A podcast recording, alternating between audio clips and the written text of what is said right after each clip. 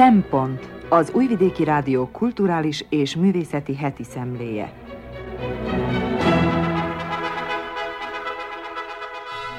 Jó napot kívánok! Köszöntöm az Újvidéki Rádió hallgatóit. A mikrofonnál Krnács Erika, a Szempont mai szerkesztője. Ízelítő kínálatunkból a liberális demokrácia és a limitarizmus címen Sándor Zoltán politikai, gazdasági, filozófiai kisesszéjét halljuk. Ezt követi Jódar Rózsa, aki egy formabontó, vibrálóan életszagú, meghatározó valóságunkkal, történelmi és egyéni traumáinkkal szembesítő fordulatos tényregényről, Lovas Ildikó Szép Amáliák című nagyregényéről ír. Piros Bálint a rockzene világába kalauzol bennünket, egy stílus teremtő zenekarról és annak új lemezéről mesél. Gobi Fehér Gyula Vita a kultúrához való viszonyról című heti jegyzetében arról beszél, hogy az értékek káosza eluralkodott, ami a szakadék szélére sodorta a kultúrát. Tartsanak velünk! Politikai, gazdasági, filozófiai kisesszé következik Sándor Zoltán tollából. A liberális demokrácia és a limitarizmus A volt szocialista országok lakossága bő 30 évvel ezelőtt a liberális demokrácia és a kapitalista termelési rendszerre való átállástól először is egy igazságosabb rendszer és életkörülmények kidolgozását remélte. Jogos volt ez az elvárás, hiszen mind az állami, mind az önigazgatási szocializmus átlagembere vágyta a nyugati kapitalista országok átlagemberének szabadságát és életszínvonalát. Az elmúlt évtizedek tapasztalata viszont arra enged következtetni, hogy a váltás aligha alakult az emberek zömének az elképzelése szerint. A vágyott szólásszabadságot és demokratikus választás jogát több-kevesebb eredménnyel sikerült kiharcolni, de az egzisztenciális kérdéseket nem mindenki tudta kellőképpen megoldani. A szabadságot ugyan megszereztük, de mintha közben elveszett volna az egyenlőség. Egyik oldalt létrejött egy abnormálisan gazdag réteg, a másikon pedig egy jóval szerényebb körülmények között tengődő tömeg. Közben fenyegetettség hiány a kapitalizmus is egyféle vírusként mutálni kezdett. A vasfüggöny keleti felén élők évtizedekig azt hitték, hogy a kapitalizmus és a liberális demokrácia elválaszthatatlanok, közben kiderült, hogy ez korán sincs így, hiszen mint mára egyértelművé vált, a kapitalizmusnak szinte minden rendszer megfelel. Közvetlenül a kommunista rezsimek összeomlását követően 1989-ben jelent meg Francis Fukuyama a Történelem vége című eszéje, amely felveti, hogy a liberális demokrácia esetleg az emberiség ideológiai fejlődésének a végpontja és a kormányzás végső formája, s mint ilyen a történelem vége lehet. A cikk akkoriban hatalmas sajtónyilvánosságot kapott és nagy port kavart. Sokan megkérdőjelezték Fukuyama állítását, ezért a szerző három évvel később megjelentette a Történelem vége és az utolsó ember című kötetét, amelyben filozófiai rendszerbe szedett magyarázatokkal igyekezett alátámasztani alaptételét. Fontos azonnal hangsúlyozni, hogy Fukuyama sokszor olvasatlanul is sokat vitatott felvetésében nem a történések végére, hanem a történelem végére célzott. És ami ugyanannyira fontos, a történelem itt egyetlen, összefüggő és következetes fejlődési folyamatként értelmezendő, amelybe a szerző megfogalmazása szerint minden idők, minden népének, minden tapasztalata beletartozik. Tehát a történelem vége nem azt jelenti, hogy megszűnik az élet természetes ciklusa, és nem történnek többé fontos események, amelyekről beszámol a sajtó, hanem azt, hogy az alapvető elvek és intézmények nem fejlődnek tovább, mivel a valóban nagy kérdések már mind rendeződtek. Ezen felül Fukuyama nem állította azt, hogy a mai stabil liberális demokráciákban nincsenek igazságtalanságok vagy társadalmi problémák, ezek a problémák azonban szerinte abból származnak, hogy nem kielégítően alkalmazzák a szabadság és az egyenlőség ikerelveit, amelyeken a modern demokrácia alapszik, nem pedig abból, hogy az elvek hibásak. A volt szocialista országokban élő állampolgárok tehát a gazdasági jólétet a liberális demokráciával és a vele sokáig kéz a kézben járó kapitalista piacgazdasággal hozták összefüggésbe. Már azonban kiderült, hogy a kapitalista termelési módnak nincs szüksége liberális demokráciára ahhoz, hogy sikeresen működjön. Gondoljunk elsősorban a kínai úgynevezett kommunista kapitalizmus globális felemelkedésére, vagy egyes tekintélyelvű demokráciák és egyéb autokrata rezsimek gazdasági sikereire, amivel ezen országok vezetői érvelni tudnak rendszerük működőképessége mellett, hatékonyabbnak ítélve meg azokat a liberális demokráciánál. Ezzel a nézettel egyrészt az a baj, hogy sem a mai társadalom, sem a történelem kizárólag gazdasági értelmezései nem teljesek és nem kielégítőek, az ember nem csupán gazdasági állat, természetes szükségletei mellett más emberek elismerésére is vágyik, és ez a vágy egyidős a nyugati politika filozófiai hagyományjal, hiszen Tümosz néven már Platón is említi Állam című művében, másrészt pedig a korlátlan gazdasági versengés fenntartása katasztrofális következményekkel lehet bolygónkra nézve. A kapitalista gazdaság alapelvéül szolgáló végtelen növekedés ütközik azzal a tényel, hogy a föld erőforrásai végesek. Egyre inkább világossá válik, hogy a természet korlátlan kizsákmányolása és a fogyasztói mentalitás az önpusztításba hajszolja az emberiséget. A haladásnak vélt pazarló életmód, amennyiben nem tartjuk kordában, egy ponton túl már a pusztuláshoz vezet. Az nyilván mindenki előtt világos, hogy jelen pillanatban a teljes emberiség békés úton történő meggyőzése az életmódváltásra kivitelezhetetlen vállalkozás. Mielőtt azonban még a klímaváltozás kialakulásáért és negatív következményeiért az egész emberiséget bűnrészessé nyilvánítanánk, nem árt figyelembe venni, hogy a Föld javainak több mint 90%-át az emberiség kevesebb mint 10%-a birtokolja, a természeti kincsek egyre rohamosabb pusztítása pedig nagymértékben a javak egyenlőtlen eloszlásának, az önző hatalomvágynak és a luxus életvitelnek a következménye. Reakcióként erre a jelenségre született meg az elmúlt időszakban a limitarizmus fogalma. Az Ingrid Robbins belga filozófus nevéhez fűződő filozófiai nézet szerint limitálni kellene az egyéni vagyont a közjó érdekében. Bár elméleti szinten legalábbis kétségtelenül társadalomjobbító szándékkal bír és nemes cél vezérli, az elképzelés meglehetősen utopisztikus, adott politikai és gazdasági körülmények között egészen egyszerűen kivitelezhetetlen. Elsősorban milyen kritériumok alapján határoznánk meg, hogy hol az a bizonyos határ, amelyen túl már nem ildomos a vagyongyarapítás, másrészt pedig milyen mechanizmus révén koboznák el valakinek a már meglévő vagyonát. A problémával foglalkozó körében sokak szerint éppen ezért nincs is szükség vagyonkorlátozásra, ezt a problémát progresszív adózással kell megoldani, amelynek során a gazdagabbak vagyonuk nagyobb hányadát fizetik be adóteher gyanánt. Gyakorlati megvalósíthatatlansága ellenére Érdemes megvizsgálni a filozófiai nézet érveit, amelynek első számú tétele, hogy a szupergazdagok lehetőségeikhez mérten keveset tesznek a közjó érdekében ilyen téren. Fényűző életmódjuk és befektetéseik ellenben környezetrombolók. A limitarizmus elméletét megfogalmazó Robbins szerint ezért, ha már jelentősen hozzájárultak a bioszféra tönkretételéhez és az állatok természetes lakhelyének az elpusztításához, úgy lenne igazságos, ha dúsgazdagok a pénzük egy részét a klímavédelemre fordítanák, ahelyett, hogy cyberházat építenek, atombiztos bunkert vásárolnak Új-Zélandon, vagy arról ábrándoznak, hogy szükség esetén a Marsra menekülnek. Az alapvető kérdés tehát mindennek előtt erkölcsi vonzatú. A szupergazdagok beruházásaikkal és tevékenységükkel hozzájárulnak-e a társadalom jobbátételéhez, vagy csak spekulálnak saját vagyonuk további gyarapítása érdekében.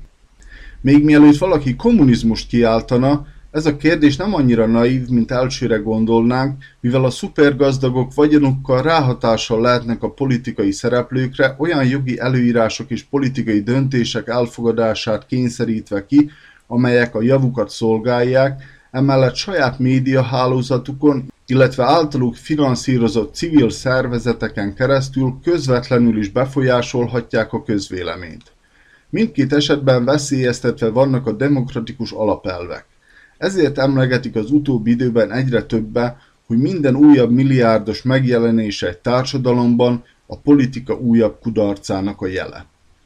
Itt érkeztünk el újra a liberális demokráciához, amely sokkal több, mint kapitalista piacgazdasági termelés és meghatározott időközönként megtartandó választások lebonyolítása, hanem elsősorban kultúra kérdése, a szabadság és az egyenlőség ikerelveinek a lehető legnagyobb mértékben történő szavatolása egy társadalmon belül.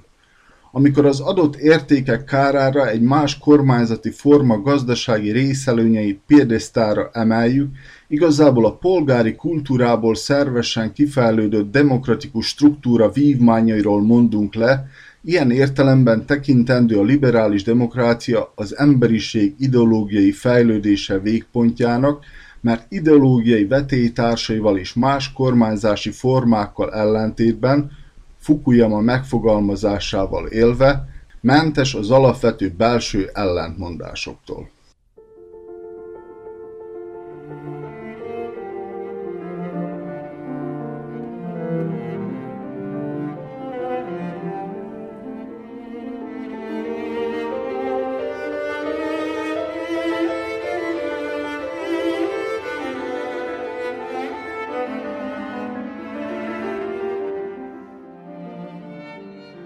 Az imént Sándor Zoltán értekezését hallottuk. Most Júda Rózsa Lovasildikó Szép Amáliák című, Cselédregény alcímű nagyregényét veszi górcső alá. A József Attila díjas, híddíjas, szirmai díjas, hercegdíjas és sok más díjas Lovas Ildikó, vajdasági magyar írónő ezúttal egy különös, rendkívül értékes könyvével rendeztetett meg bennünket. 2022-ben a fórum kiadásában Szép Amáliák címmel és Cselédregény alcímmel jelent meg tényregénye. A könyv bevezetőjében hosszan foglalkozik a cselédlét miben létével idézett. A cseléd szófejtése, a cseléd társadalmi neme, mi a cseléd, a cseléd definíciója, a cseléd helye, a cseléd anatómiája. Közszímekkel ellátva a szerző mintegy 12 oldalon átfejteketi a kérdést.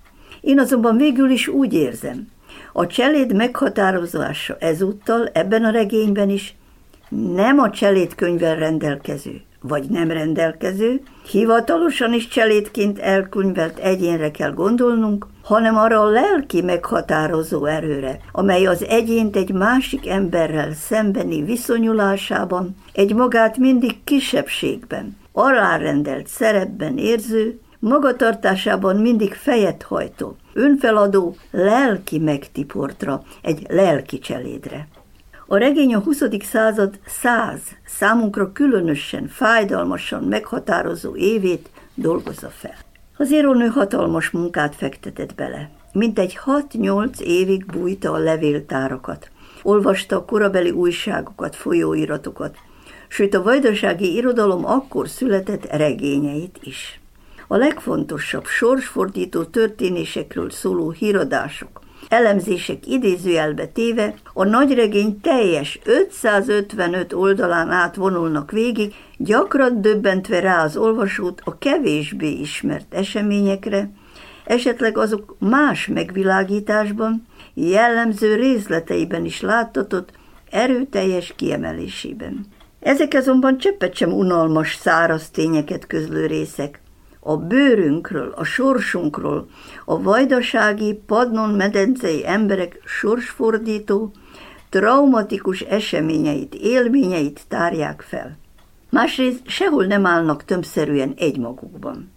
A regény szereplői a legtöbb esetben szinte azonnal reflektálnak rájuk. Sokszor szangvinikusan, érzelemtől fűtötten, olykor még mély felháborodással, idézett, Károly Mihályt a király kinevezte miniszterelnökké, és Gróf Tisza Istvánt meggyilkolták. Című újság közleményeket például nyomban követi Gergő bácsi, Bunyevác nevén Görgó, keserű kommentárja. Nem marad meg az az ország, amelyiknek úgy lövik le a miniszterelnökét, akár egy kutyát. A saját házában, miközben hátrafordul a feleségéhez, idézet vége. És sorjáznak a fontos események. Megalakult a Szabadkai Nemzeti Tanács. A Nemzeti Tanács átvette a város feletti parancsnokságot. Elnöke dr. Havas Emil a radikális párt kiemelkedő elnöke. Idézetek vége. Van, aki örömmámorban úszik, s van, aki szkeptikus. Amikor jóval később Havas Emil idézett, a szerb katonaság érkezése 1918. november 13-án 6 óra 35 perckor című közleményben többek között az is megjelenik, hogy idézett. Utána dr. Havas Emil szólt a Magyar Nemzeti Tanács nevében. Testvérek! A Magyar Nemzeti Tanács felhatalmazásából üdvözöllek benneteket a szabadkai magyar polgárság nevében. Nem csak barátsággal, de szeretettel várunk benneteket.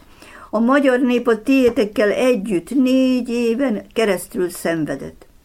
Ahogy közeledünk a békéhez, az új magyar demokratikus nemzet nevében egy szabad, demokratikus állam küldötteit köszöntünk bennetek. Isten hozott benneteket. Idézet vége. Lelkes szónoklatára az őslakosság közül sokaknak ökölbe szorul a keze.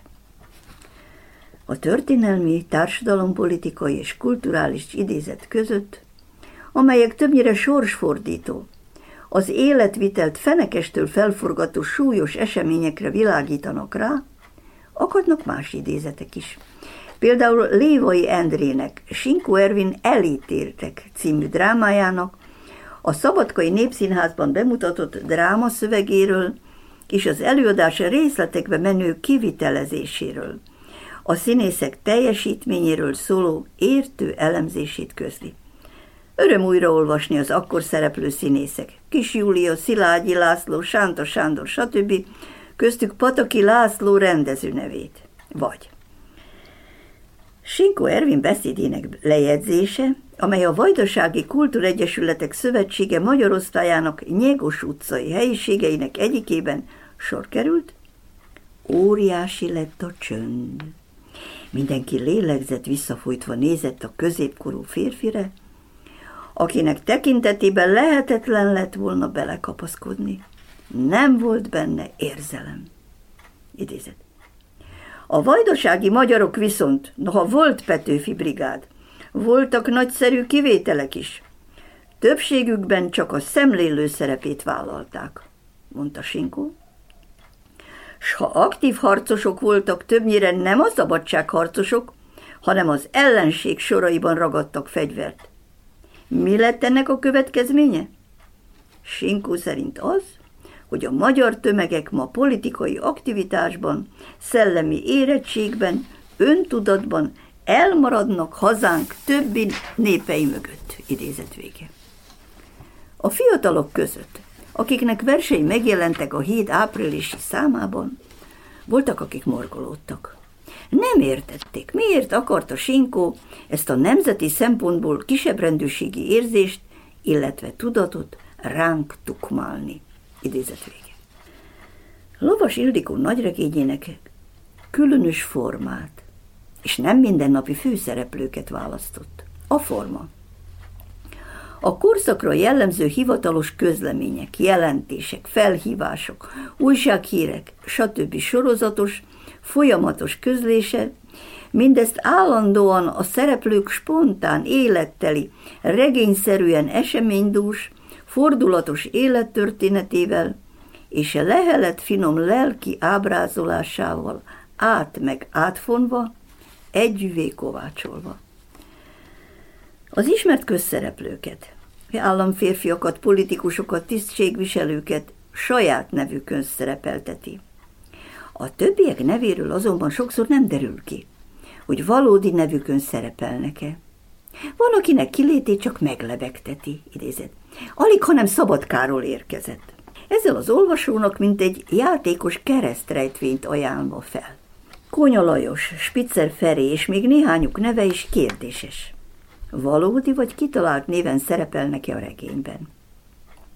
Legérdekesebb, legtalálóbb szerepe azonban a két, majdnem azonos nevű főszereplő nőnek van. Az apatini német származású Sőn Amáliának, és a Bácstóvárosi magyar Szép Amáliának. Mivel Szép Amáliának élete folyamán jelentős szerepe lesz a híd folyóirat, valamint Mayer Ottmárék forradalmi szervezkedésében, az egész környéket fáradhatatlanul járó agitálásában, stb. Feltételezem, hogy neki volt valódi húsvér előde. Sőn Amália alakját viszont, hogy az előbbinek meglegyen az izgalmas, számos pszichológiai, genetikai, mélylélektani, stb. vonatkozású ellentét párja, bizonyos értelemben ikerpárja. Szerintem jó érzékkel és megfontolásból az írónul találta ki. Árulkodó jel, hogy mindketten 1900-ban születtek. Mindketten 1990-ben hunytak el. Halálukig ugyanazt a férfit szerették, életük jelentős részét szabadkán élték le, szorosan kötődtek az újságíráshoz, stb. Ugyanakkor életfelfogásukban, erkölcsi szerepvállalásukban, habitusukban, érzelemviláguk ábrázolásában olyan sok egyéni szint képes felvonultatni, ami már maga is külön bravúr, és megvan az értelme és a miértje is. Sokrétű, sűrű és bonyolult, megfejtendő talányként mutatja fel őket az olvasónak. Hogyan? Hányféleképpen lehet, lehetne életünket alakítani, időnként megváltoztatni, hasznossá és odaadóbbá tenni, elköteleződni. Hiszen válaszút, választási lehetőség mindig létezik. Lehetséges kitalálásuk, szerepeltetésük és mesteri megformálásuk a regény egyik fő nyereménye. Az írónő legsokoldalúban szép Amália kemény, harcos, cseppet sem könnyű életét festi meg. A nyolc éhes szájmellől cselédsorba kerülő bátor, szókimondó kislánynak először a bátyja mutatja fel a mindenkinek egyenlőséget ígérő szocialisták életútját és célkütőzéseit. Ám a rajongásig szeretett példaképül választott báty örökre elveszik a szibériai hadifogságban. Elvesztésének traumáját Amália sohasem heveri ki. Tanítását azonban egész életében megszállottan követi. Cselédeskedés, majd több heti a palicsi táj soványko gyengén öltözött, testét felhorzsoló sás levelei között töltött fagyoskodó, korgógyomrú éjszaka után lesz belőle újságkihordó, majd a rátermettségénél és bámulatra méltő olykor szinte aszketikus kitartásánál fogva újságíró. A híd jegyzőkönyvezetője. Mayer ott már lelkes támogatója és munkatársa. Egész életét elkötelezetten éli le, örökös, fárasztó utazásokban, agitációkban, szervezkedésekben. Háziasszonykodásra, gyermeknevelésre nincs se ideje, se türelme. Lányfejjel megszült Lia nevű lányát, annak 15 éves fejjel meglepetésszerűen fellépő szülése közben veszti el aki ráhagyja a szintén lányfejjel szült unokát, Emíliát. Természetesen őt is vállalja, de unoka nevelésére sincs elég ideje. Őt is, ahogyan az előzőekben Liát, rábízza odaadó élettársára, az egykori tehetséges, lelkes, majd mindenben és mindenkiben csalódott újságíróra, a magába vonuló melegszívű Bezzeg Mihályra. Végül nevelőintézetbe adja. Amália a góliótok kopársziklák poklát is megjárja, ahol az ott töltött, érzékletesen leírt két év alatt, havonta egyszer fürödhetett csak meg a tengerben. S megtetvesedett hóna és szemérem szőrzete hónaljába, csomókban hull ki, viszkető testét véresre kaparja, vakarja, de túléli. És ott folytatja, ahol abba hagyta. Eldurvul, külsejére nem ad, a segítőkész Bezzeg Mihályt, Misikét is sértegeti. Tehetségtelennek, ráragadó bogáncsnak csúfolja, aki létét csak neki köszönheti, hiszen minden övé magával hurcolja. Amikor azonban évek múltán egyszer ismét feltűnik Sőn Amália, és szép Amália rájön, hogy ez a kettő még mindig szereti egymást, és életük végre összekapcsolódhat. Megmakacsolja magát, s önző birtoklás vágyából nem enged. Misi az ő rabszolgája, s még mindig ő az erősebb. Nem csoda, ha mindkét Amália által körülrajongott Misike végül felköti magát egy fára. 1954-ben találják meg, kiszáradón lengve, a kelabiai erdőbe. Sőn Amália által viszont megismerhetjük Apatin múltját, a német iparosok betelepítése utáni viharosan gyors felemelkedését, nemzetiségi megoszlását, valamint a németek, svábok szokásait, gondolkodásmódját, stb. És egy különös, visszafogott, de erős akarattal célra törő, s célját, hogy tanítónő legyen, mindenki tanítónője. Egy jókora újságírói vargabetű után teljes mértékben el is éri. Végül ő lesz szép Amália unokájának, Emiliának előbb iskolai tanítónője, majd anyja helyett anyja, akit a második világháború után a szinte teljesen kiürített apatimba is magával cipel, ahol vakmerően megáll vele nagyanyja háza előtt, ahol az éppen behurcolkodni készülő lékai családnak megfellebbezhetetlenül kijelenti. Ez az én házam, das ist mein Haus, moja kutyaje. Azok a parányi asszony szemtelenségét meghökkenve visszakoznak. Tehetik, hiszen majdnem az egész hegység valóságol kiürült, és teljesen ki van fosztva. Válogathatnak a házak között. Amália pedig kendőt köt, kék munkászubonyt ölt, és megszerezve a szükséges iratokat, munkába áll a községházán. Úgy érzi, hazaérkezett. Lovas Ildikó bravúrosan megtalált és ábrázott főszereplő női után még számtalan erőterjesen megrajzolt alakot szerepeltet a regényében.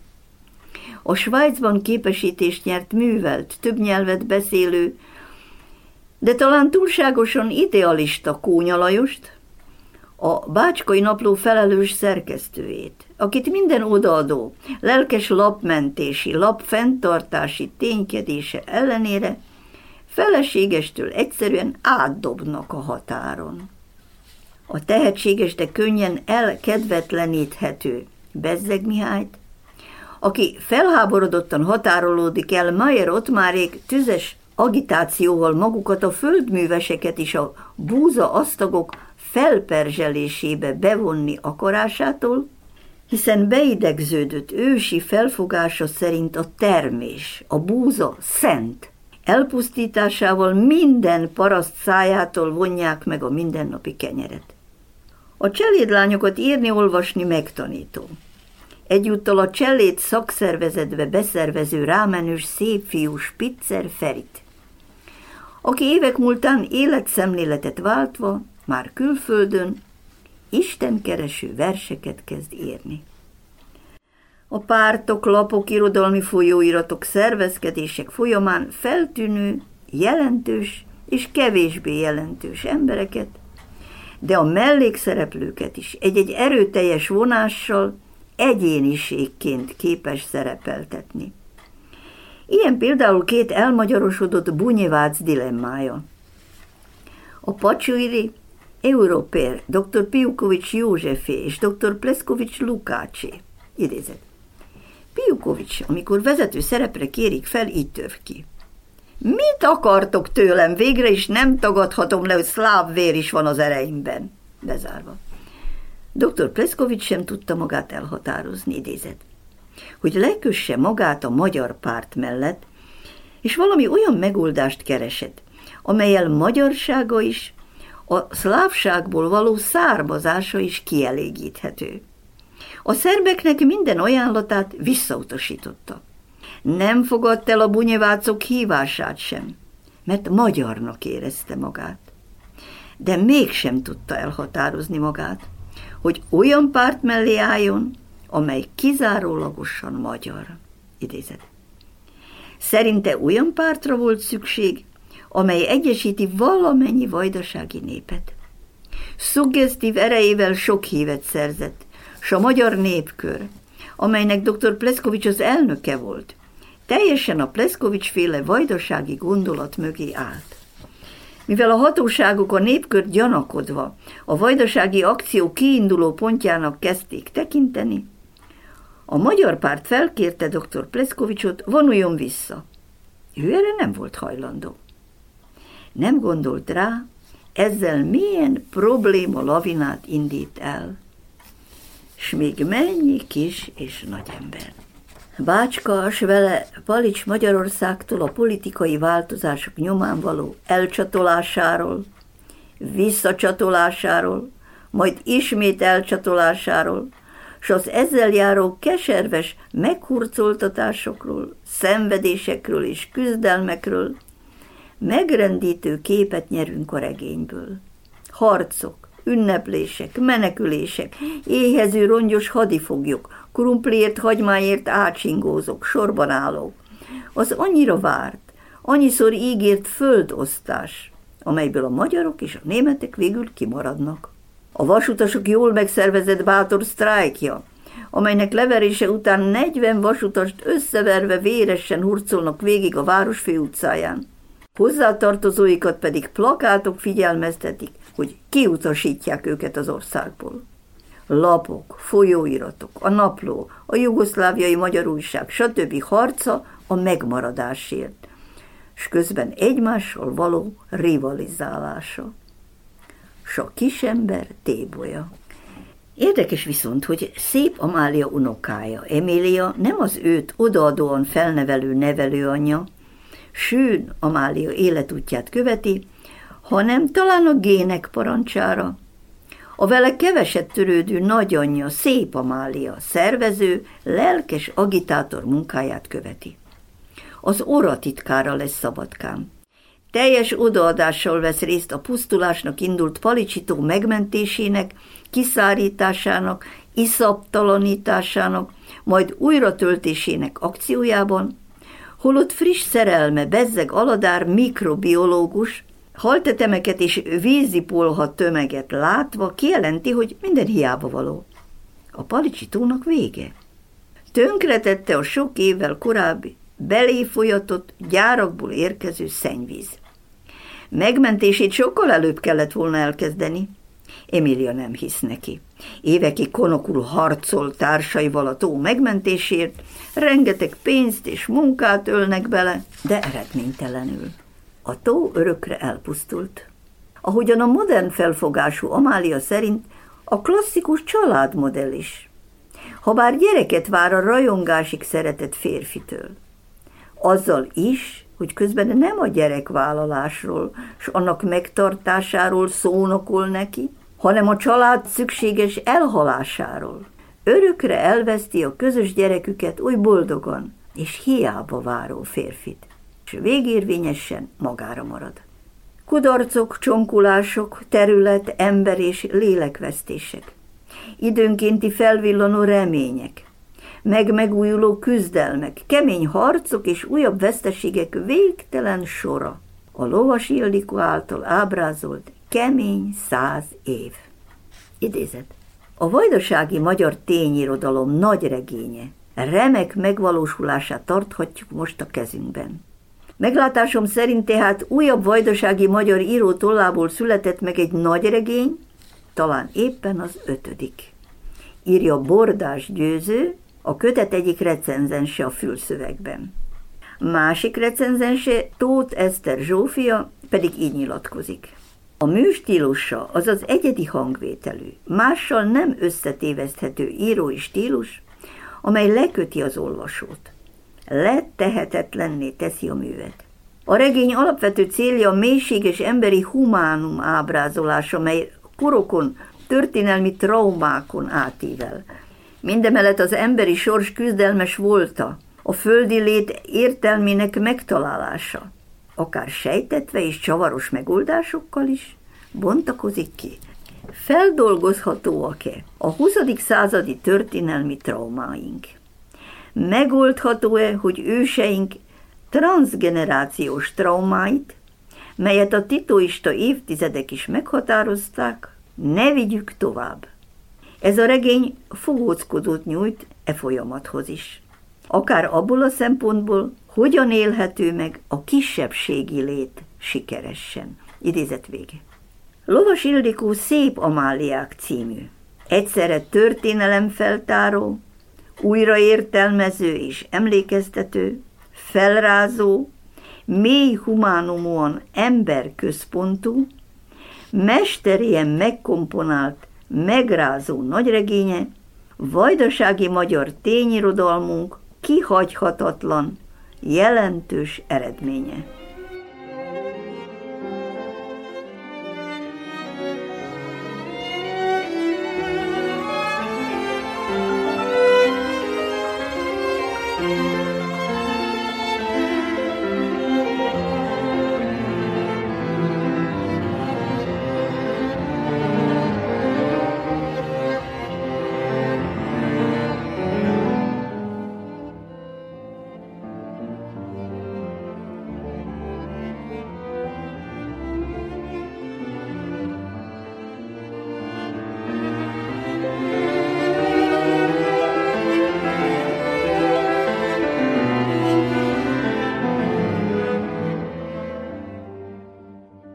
Jóda Rózsa olvasta fel írását.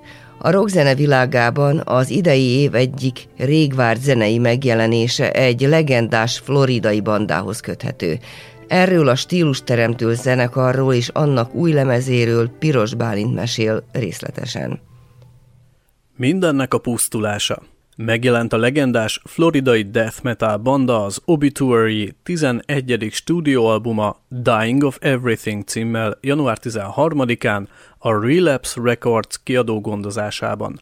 Már a pandémia idején megíródott a hanganyag, és a tervezett megjelenés tavaly lett volna, de ismeretlen okok miatt az idei év elejére tolódott. Korábban már meséltem róla, hogy a 80-as évek trash metal stílusának köszönhetően amit olyan zenekarok hívtak életre, mint a Slayer, a Venom vagy a Death, kialakult egy másfajta zenei irányzat is. Ez pedig nem más, mint a death metal, ami nem csak szövegeiben elég brutális, de zeneileg is extrém. Géppisztolyszerű kétlábdobos doppörgés, kíméletlen zúzás és hörgő ének jellemzi ezt a zenei irányzatot. A stílus az Egyesült Államokban, Florida államban ütötte fel a fejét, ahol több banda is ebbe az irányba indult el zeneileg. A legismertebbek nevei ismerősen csenghetnek, mint például a Cannibal Corpse, akiket az Ace Ventura állati nyomozó című filmben is láthattunk, vagy a Morbid Angel, és persze az Obituary. Ez utóbbi 1984-ben alakult a floridai Tampa városába. A zenekar neve eredetileg Executioner, azaz hóhér volt, amit hamar megváltoztattak és levették a szó elejéről az E betűt, és lett Executioner, mivel kiderült, hogy már létezik egy trash metal banda Bostonban a korábbi névem. Végül 1988-ban ismét megváltoztatták a nevüket Obituary-ra, ami magyarul gyászjelentést vagy nekrológot jelent, és végül ezen a néven híresültek el. A zenekar állandó tagjaira, John és Donald Tardira fiatalokként nagy hatása volt a Savatage nevű zenekar, valamint több helyi banda is, mint például a Nasty Savage, a Death, a korábban említett Morbid Angel, amik abban az időben még csak feltörekvőben voltak. John Tardy mesélte egyszer egy interjúban, hogy fiatal srácként elszoktak biciklizni egy-egy ilyen banda, akkor még garázs próbájára, és hogy ennek mekkora szerepe volt abban, hogy ők is zenélni kezdtek. Az Obituary debütáló albuma 1989-ben jelent meg, Slowly We Rot címmel. Érdekessége, hogy ez az egyetlen olyan album, ami standard i hangolásban van, és Fender Stratocastereket használtak a lemez felvételein. A zenekar összes többi albuma D-standard hangolásban jelent meg. Aztán 1990-ben megjelent a Cause of Death című lemezük. Ez az album nem kevesebb, mint a death metal történetének egyik meghatározó albuma, amivel be is véste magát a banda a stílus irányzat megalkotói közé. Az ötödik albumuk a Back from the Dead 1997-es megjelenését követően a zenekar belefáradt a turnézásba, ezért úgy döntöttek, hogy feloszlatják a bandát. Ez persze nem tartott örökké, valahogy mindenkiben ott élt a legendás banda szelleme.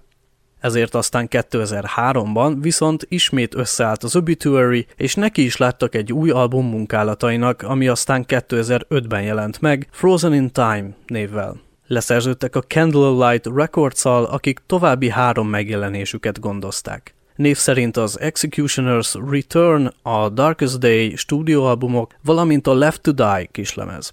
2010-ben elkezdtek a kilencedik albumukon dolgozni, viszont Frank Watkins basszusgitáros kiszállt a bandából, és a norvég Gorgoroth nevű black metal zenekarban folytatta a karrierjét, majd tragikusan 2015-ben rákban elhunyt. Helyére Terry Butler érkezett, aki azóta is erősíti a zenekart. A kilencedik nagylemezük az Inked in Blood 2014-ben jelent meg, viszont nem kiadó gondozásában, bár tény, hogy a Relapse Records kiadóval együttműködve látta meg a napvilágot. A banda a Kickstarteren keresztül közösségi finanszírozás által hozta tető alá az Inked in Blood albumot. A zenekar énekese John Tardy azt nyilatkozta ezzel kapcsolatban, hogy ez nem a kiadó ellen szólt, hanem ez egy olyan dolog volt, amit szerettek volna megvalósítani saját maguk. Az, hogy sikerült, egy egyértelmű visszajelzés volt számukra a rajongóktól, hogy a zenekar munkásságára igenis van kereslet. Utoljára 2017-ben jelent meg a saját nevüket viselő lemezük, az Obituary. A Dying of Everything című albumot még tavaly szerették volna kiadni, viszont ismeretlen okok miatt ez nem valósult meg. Az új korongra 10 dal került fel. Aki ismeri az Obituary zenekart, annak nem lesz meglepetés az új album. A stílus ugyanaz a kíméletlen groove-os death metal, mint 30 évvel ezelőtt. A nyitódal, a Barely Alive egy igazi pörgős, trash metálos dal, már-már slayeres beütése van. A The Wrong Time egy hangulatos, grúvos, dübörgő nóta, amihez videoklip is érkezett. A lemez talán legzúzósabb dala a War, ami nagyon erősen visszaidézi a 90-es évek death metalját. Az album címadó dala egy nagyon jellemző megalkovást nem ismerő, pörgős, hörgős, zúzós nóta, amiben megvan minden, ami a stílus irányzatra jellemző. Ugyanez a döngölés jellemzi a Weaponize the Hate és a By the Dawn dalokat is. Az Obituary nem hozott be semmi újat ezzel a lemezzel, de nem is kellett. Ez a jó, öreg, klasszikus, floridai, könyörtelen death metal mai, modern hangszereléssel. Nincs túl stúdiózva, vagy kegyetlenül kipolírozva, már ami a zenét illeti. Talán emiatt is van egy nagyon kellemes, régi 90-es évek death metal íze az egésznek. Nagyobb hangsúly lett fektetve a dalok szövegeire, viszont a gitárszólók elég spórolósra sikerültek. Ezt leszámítva egy kíméletlen obituary lemez, amit minden új és régi death metal rajongónak muszáj meghallgatnia.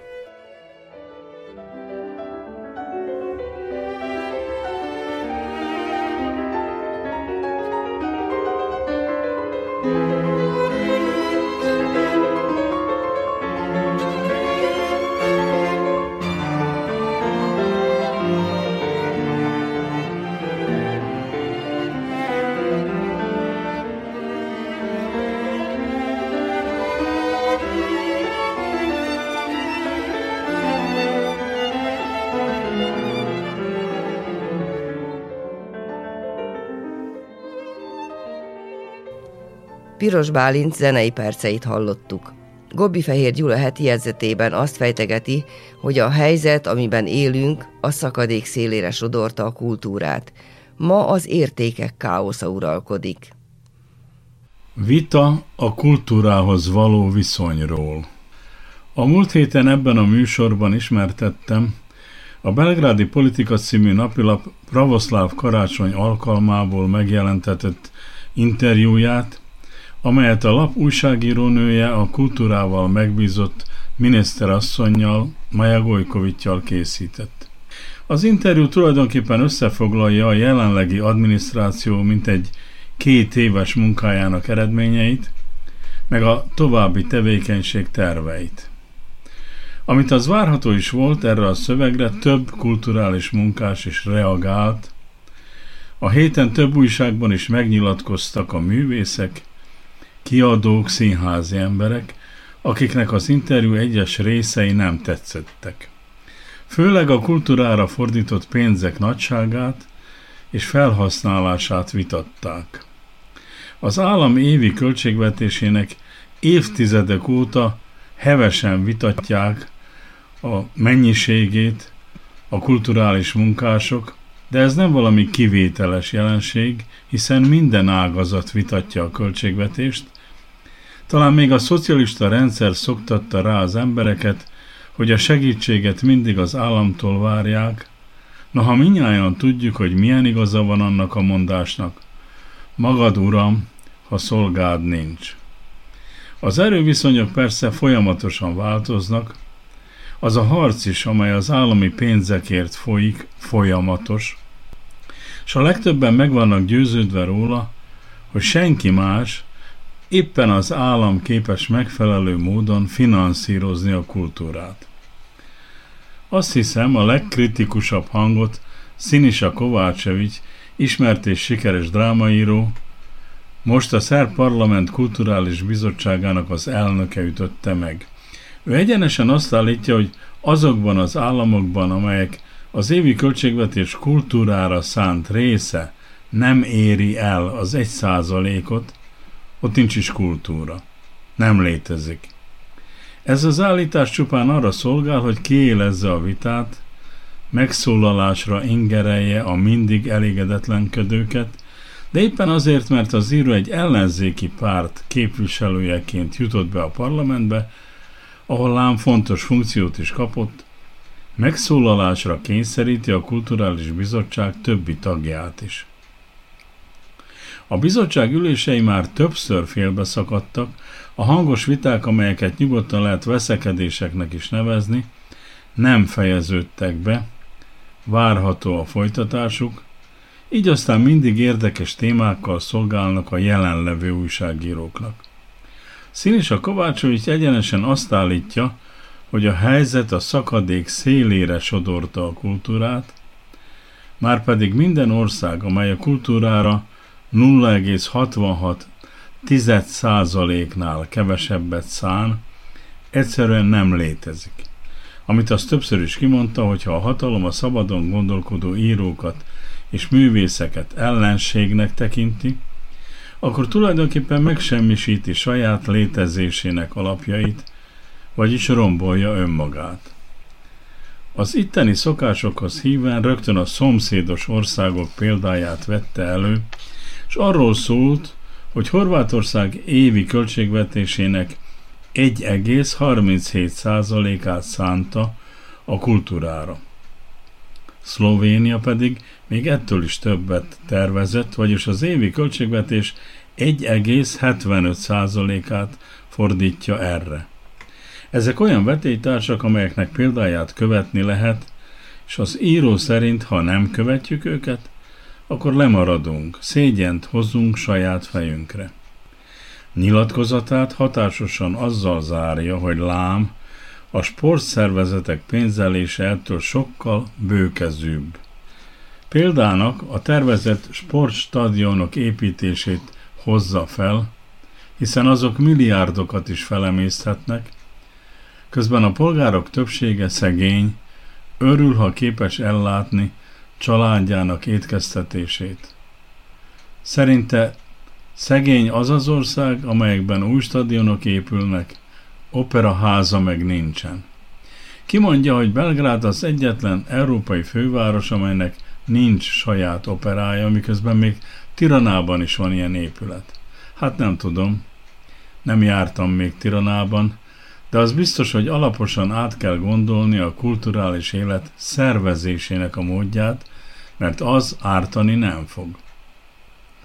A kialakuló vitában megnyilvánult Ratko Borzsovics professzor is, aki ugyan már nyugdíjban van, de még mindig tevékeny részvevője kulturális életünknek.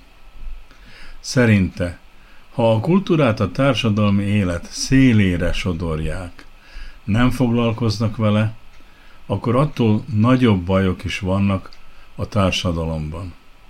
Ez a jelenség azt mutatja, hogy az értékek káosza uralkodott el. és az ilyen társadalom anómiába esett. Tulajdonképpen ellentétek alakulnak ki a kulturális élet meg a politikai élet között. A politikai élet egyfajta úton jár, a kulturális élet másfajtán.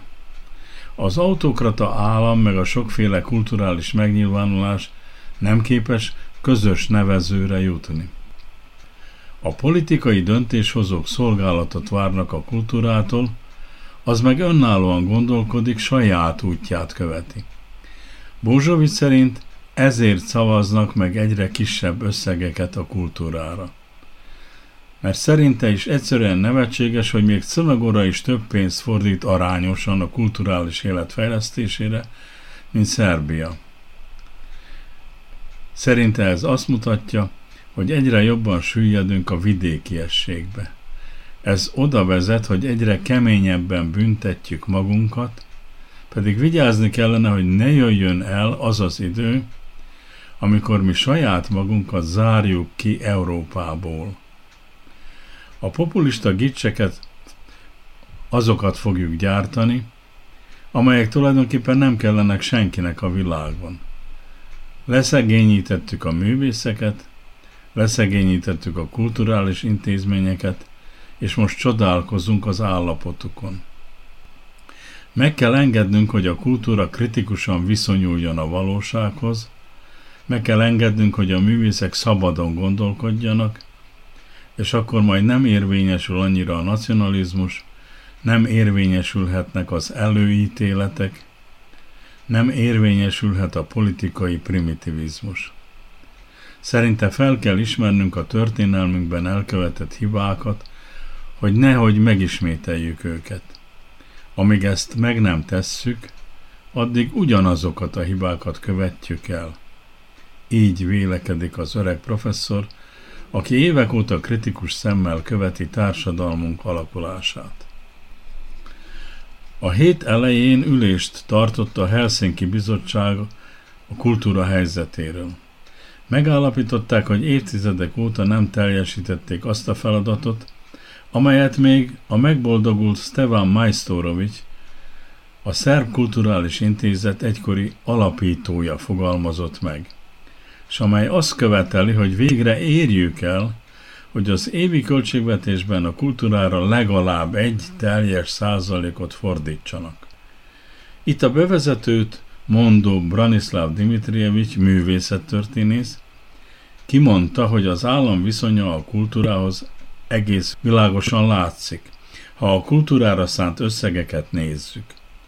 És hiába igyekeznek a kultúrában dolgozók, hiába tevékenykednek, dolgoznak minden erejükből, ha az állam nem segíti őket. Pedig hát szerintem minden tanult ember tudja, hogy a kultúrához való viszony a legpontosabb mutatója, milyen a társadalom valódi állapota.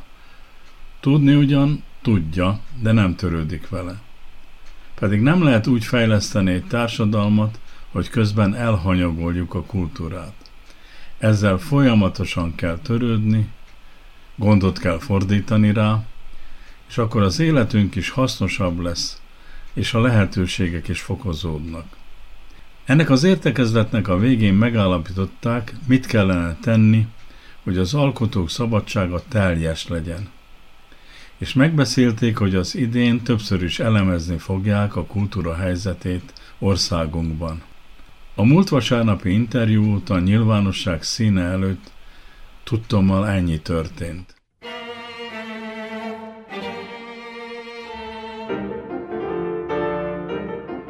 Kedves hallgatóink, Gobbi Fehér Gyula heti jegyzetével véget ért az Újvidéki Rádió művelődési és művészeti heti szemléje. A munkatársak Sándor Zoltán, Judar Rózsa, Piros Bálint és Gobbi Fehér Gyula, valamint Marica Jung műszaki munkatárs nevében köszöni megtisztelő figyelmüket a szerkesztő Körnács Erika. A műsor természetesen az interneten is meghallgathatják a www.rtv.rs per honlapon a viszonthallásra.